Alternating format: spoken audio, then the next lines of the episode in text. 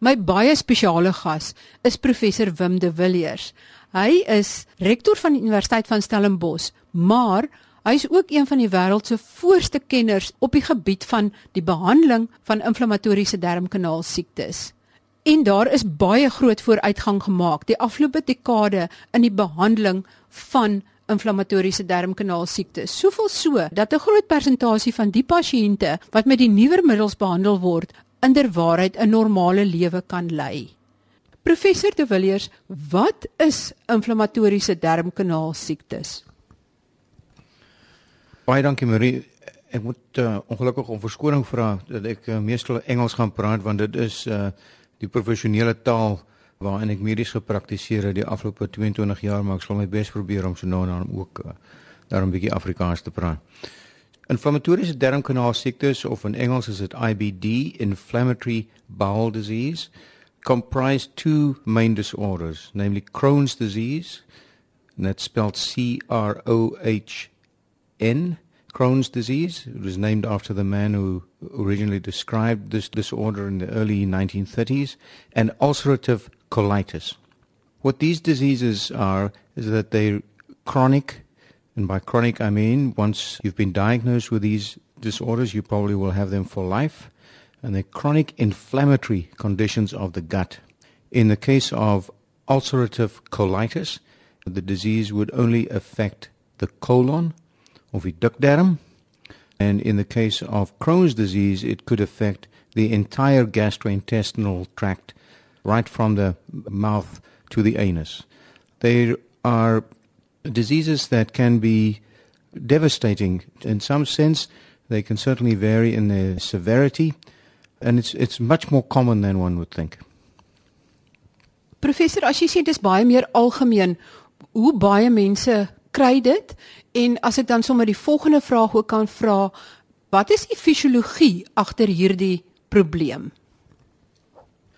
So dit is heel wat meer algemeen as wat mense dink en ek dink 'n goeie syfer om aan te dink is dat dit omtrent so uh, eh, 300 uit elke 100 000 mense is. So uh, dit sou wees so 1 uit elke 300 en dit was altyd vir my uh, interessant geweest dat mense as my sê o ek ek het nooit geweet ek het Crohn se siekte totdat jy my gediagnoseer het nie. Maar toe ek uh, vir ander mense meld dat ek uh, daarmee gediagnoseer het dan of as jy by die kerk kom of met in hulle vriendegroepe dan is daar altyd iemand wat ook aan hierdie siekte ly of ulceratiewe kolitis of Crohn se siekte. Die etiologie of oorsprong van die siektes is nog steeds 'n bietjie onduidelik die beste manier om aan te dink is waarskynlik is 'n wisselwerking van 'n verskeidenheid van faktore. Daar is 'n genetiese predisposisie. So jy moet die genetiese uh, samestelling hê vir hierdie siektes om te ontstaan en dan is daar 'n interaksie met bakterieë of darmkanaal inwoners en dan 'n abnormale immuunstelsel. So dit is daai verskillende interaksie van van daai drie elemente wat dan op die ou ende ontwikkel in hierdie kroniese inflammatoriese siektes. Met ander woorde, as jy sê daar's 'n genetiese komponent, beteken dit dat as jou ma of pa dit het, dat jy 'n groter kans het om dit te kan hê? Dit is korrek omtrent 20% van pasiënte met inflammatoriese darmkanaal siekte eh, het 'n familielid wat ook hierdie siektes het. So wat dit beteken is jy het wel 'n groter kans om die siekte ontwikkel, maar dit beteken nie jy gaan dit definitief ontwikkel indien 'n familielid so 'n siekte het nie. Ons weet daar sekere bevolkingsgroepe wat meer geneig is om beide Crohn se siekte en ulceratiewe kolitis te ontwikkel. Dit is veral mense van Joodse afkoms en spesifieke Ashkenazi Jode wat van uh, Oos-Europa afkom waar dit uh, redelik algemeen is. Ons het ook voorheen gedink dat hierdie uh, meer 'n siekte is van die sogenaamde ontwikkelde lande in Noord-Europa, maar dit is baie duidelik dat uh, 'n uh, mens dit nou baie meer algemeen sien uh, in mense van die Indiese subkontinent en ook in ook in Afrika en in en in Suid-Afrika. Ons het voorheen altyd gedink dat indien mense simptome van inflammatoriese darmkanaal siekte ontwikkel soos maagpyn, buikpyn of bloeding, dat dit eintlik eh, as gevolg van die hoë voorkoms daarvan dat dit tuberkulose is indien dit die simptome in 'n in 'n swart mens sou voorkom maar is baie duidelik dat ons ook nou hierdie siektes in hierdie bevolking toenemend uh, identifiseer. So die die belangrike punt is daar is definitiewe genetiese predisposisie, maar dit beteken nie dat dit altyd oorerflik is nie. Professor, kan jy meer uitbrei oor die immuunrol wat in die siekte te speel is? So die immuunstelsel van die darmkanaal is 'n baie interessante stelsel. As 'n mens dink hoe lank die darmkanaal is en hoeveel selle daar in die darmkanaal is, is hierdie 'n baie groot deel van ons immuunstelsel. En as 'n mens ook dink daaraan is eintlik 'n interessante stukkie statistiek dat 'n mens het meer ek sou sê 100 tot 1000 maal meer bakterieë wat in jou darmkanaal lewe as wat jy 'n totale aantal selle in jou hele liggaam het. So daardeur kan 'n mens sien dat dit nodig is vir die immuunstelsel van die darmkanaal om met al hierdie biljoene bakterieë en mikroorganismes en antigene en vreemde dinge wat deurkom om dit die hoof te bied kan jy sien dat daar baie ruimte is vir dinge om verkeerd te gaan. So eintlik 'n manier om te dink aan die darmkanaal is dat die darmkanaal is altyd in 'n toestand van van gekontroleerde of beheerde kroniese inflammasie en wanneer daar dan sekere triggers kom uh, soos byvoorbeeld uh, infeksies of moontlik dieet aspekte dan verloor die darmkanaal se immuunstelsel die vermoë om hierdie dinge terug te kry na 'n beheerde toestand en raak onbeheerd en dit is dan wanneer hierdie kroniese inflammasie ontstaan. Professor, wat is die simptome van ulseratiewe kolitis en Crohn se siekte? Is dit omtrent dieselfde of verskil dit baie? The symptoms of ulcerative colitis are the following and the word really depicts what it is. So it's colitis. So it's inflammation of the colon of is ontsteking van die dikdarm en is slegs die dikdarm wat betrokke is. So colitis would only refer to inflammation of the colon. and it's ulcerative. That means the lining of the large bowel would become ulcerated. If you think about what that could result in, is that it's virtually always results in some blood in the stool. That's a very important symptom. And then associated with that as well would be some diarrhea, and there may be um, some abdominal pain. So blood is virtually always present when this uh, condition manifests itself, and so therefore that is a symptom that should never ever be ignored. Now, Crohn's disease is a different type of disorder. It causes inflammation that can affect anywhere from the mouth to the anus. So, in about 30% of cases or so, it will also affect the large bowel. But in this case, it doesn't necessarily goes along with, with blood in the stool, it could, but here there's more emphasis on diarrhea and especially pain. So it could be cramping abdominal pain, it could be weight loss as a result of, of this. Uh, but in addition to that, there are also other uh, systemic side effects of the disease because this is not only a disease that affects the gastrointestinal tract only, it can also affect um, joints, patient's eyes, red eyes, um, some vision disturbances, and it can also have an effect on the liver and the biliary tract, as well as some specific skin disorders. So it is really an example of a range of disorders that we would call uh, autoimmune disorders. So that's uh, the type of disorder where the immune system really starts reacting against the host, the patient itself. Dankie professor, jy het sommer nou ook van die belangrikste simptome beskryf. Maar hoe diagnoseer mens hierdie twee probleme? Is dit maklik om dit te diagnoseer of moet daar baie spesifieke toetse gedoen word? Dit hang af met watter simptome die die pasiënt voordoen. So in die geval van ulceratiewe kolitis omdat daar meestal bloed in die in die stoelgang is, bring dit pasiënte redelik vinnig na 'n mediese praktisyn toe. En dan die toetse wat gedoen word is so iets soos 'n endoskopie prosedure. So dit is iets soos 'n kolonoskopie of 'n sigmoidoskopie uh, waar mens in die dikterm uh, moet kyk na voorbereiding en uh, daar sal 'n spesifieke beeld wees van hierdie ulkusse wat wat voorkom in die dikterm en dan kan 'n mens ook biopsies neem en 'n mens kan onder die mikroskoop kyk so mens sal dit, dit so kan diagnoseer.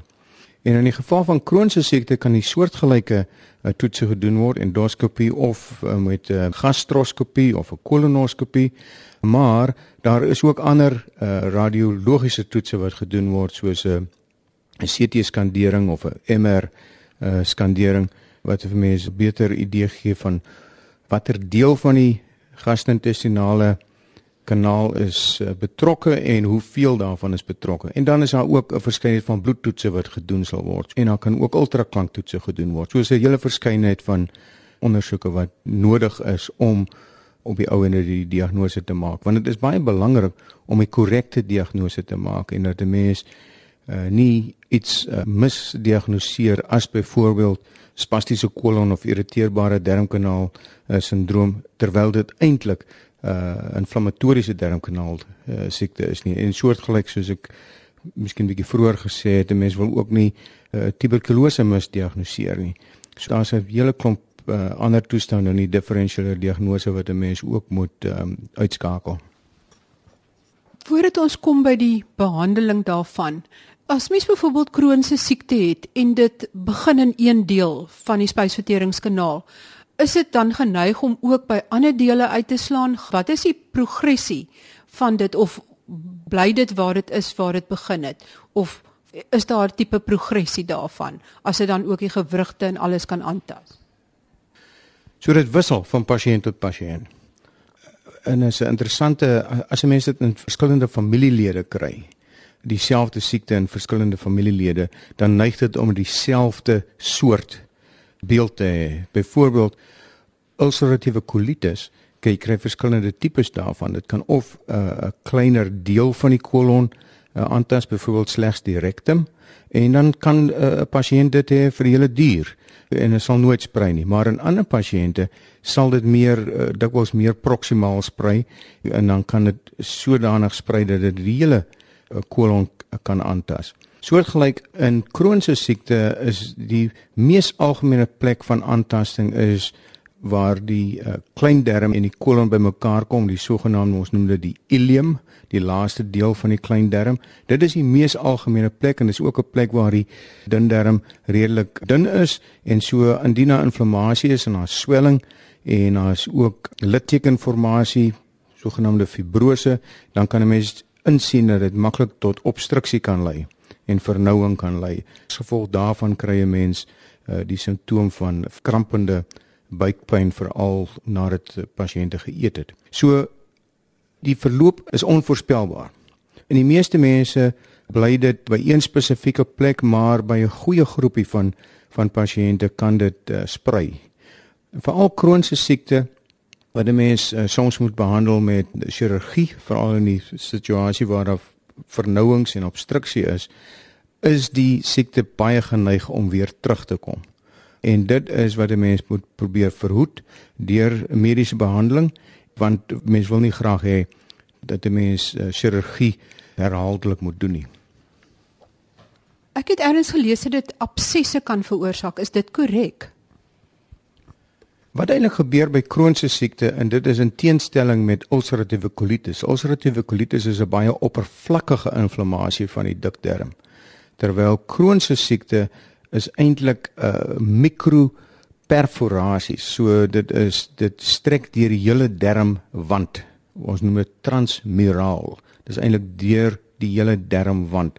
So 'n mens kan insien dat hierdie mikro uh, perforasies van die van die darm want kan aanleiding gee dat uh, bakterieë en sovoorts toegang kan vind tot buite die uh, darm en sodanig kan dit absesse veroorsaak. So dis een van die algemene wyse waarop hierdie siekte uh, dikwels presenteer dat daar pyn is, koors en 'n uh, buikmassa en dit is dan so 'n abses wat dan chirurgies gedreineer moet word.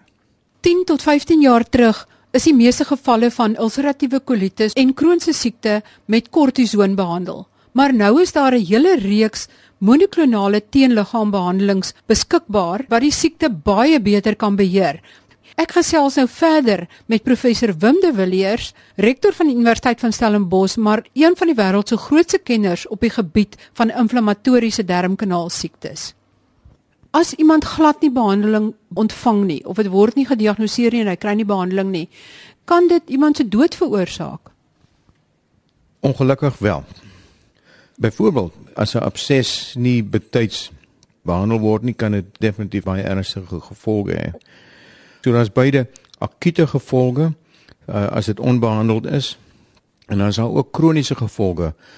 As 'n mens kroniese ontsteking het van die dikdarm van die kolon, dan is hierdie pasiënte ook meer uh, geneig om kolonkanker te ontwikkel.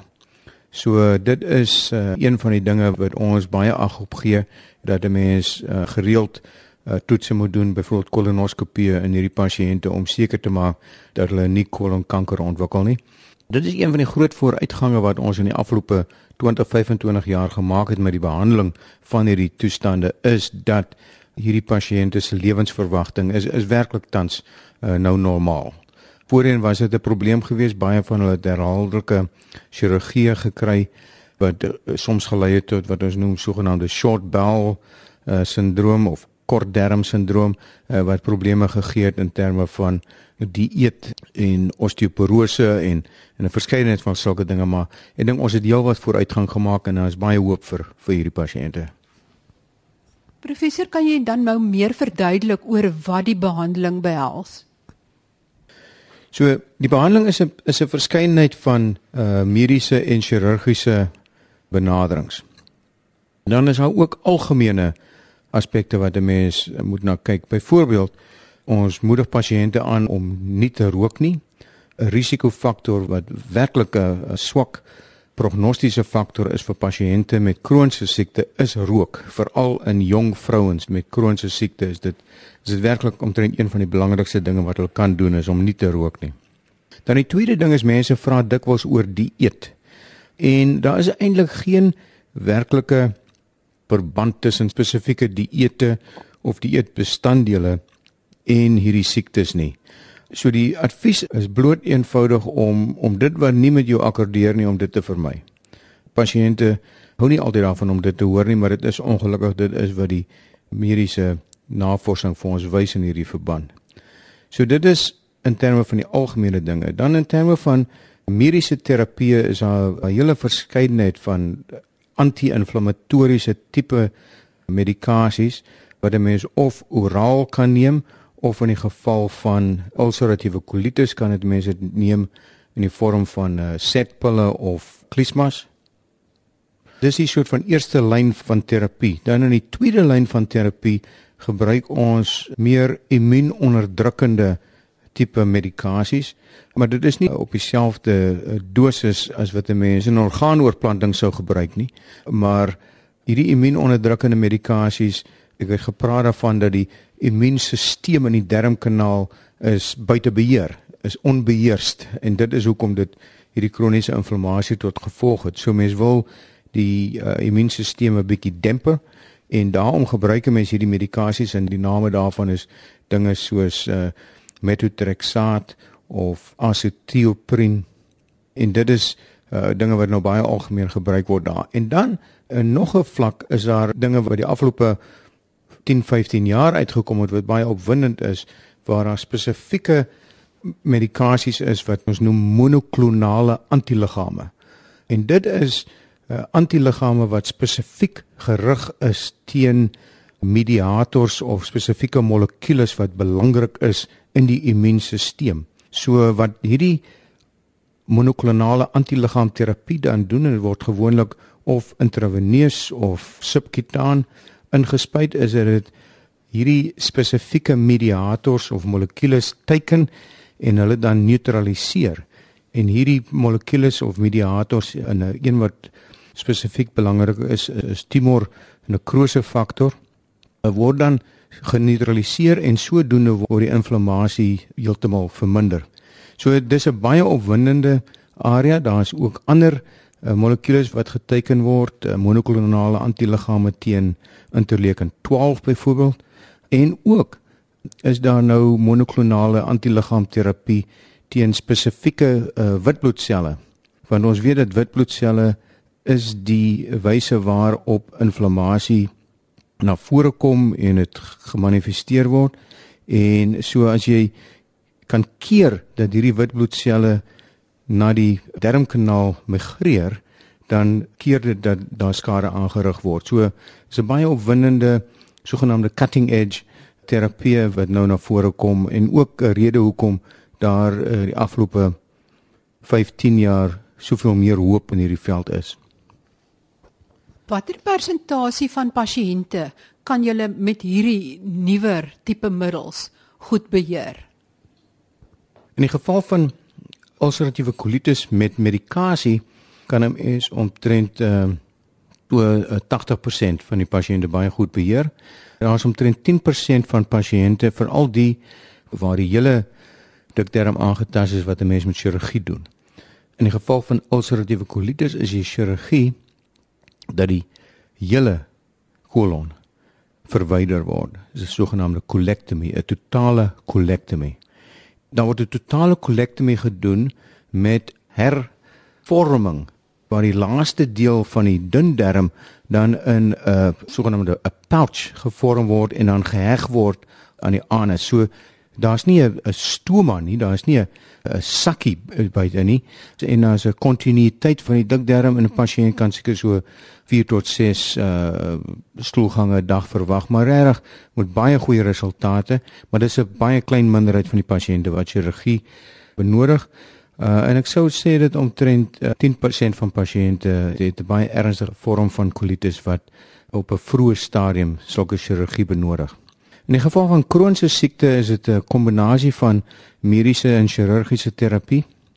Die mediese terapie waarna ek verwys het sal omtrent seker so 60 tot 70% van pasiënte goed te staan kom, maar uh, daar is 'n goeie persentasie van pasiënte wat chirurgie sal benodig. Veral die deel waar die dun en die dik darm bymekaar kom, uh, sogenaamde ileocolectomy. So dit is waar die laaste deel is die ileum en die eerste deel van die kolon verwyder moet word en dit kan dikwels kan dit ook laparoskopies gedoen word en pasiënte sal so 'n week in die hospitaal bly. Ongelukkig is pasiënte met kroniese siekte meer geneig om herhaaldelike chirurgie te benodig. So hierdie is lewenslange siektes. So mense sal hulle met met medikasies moet behandel.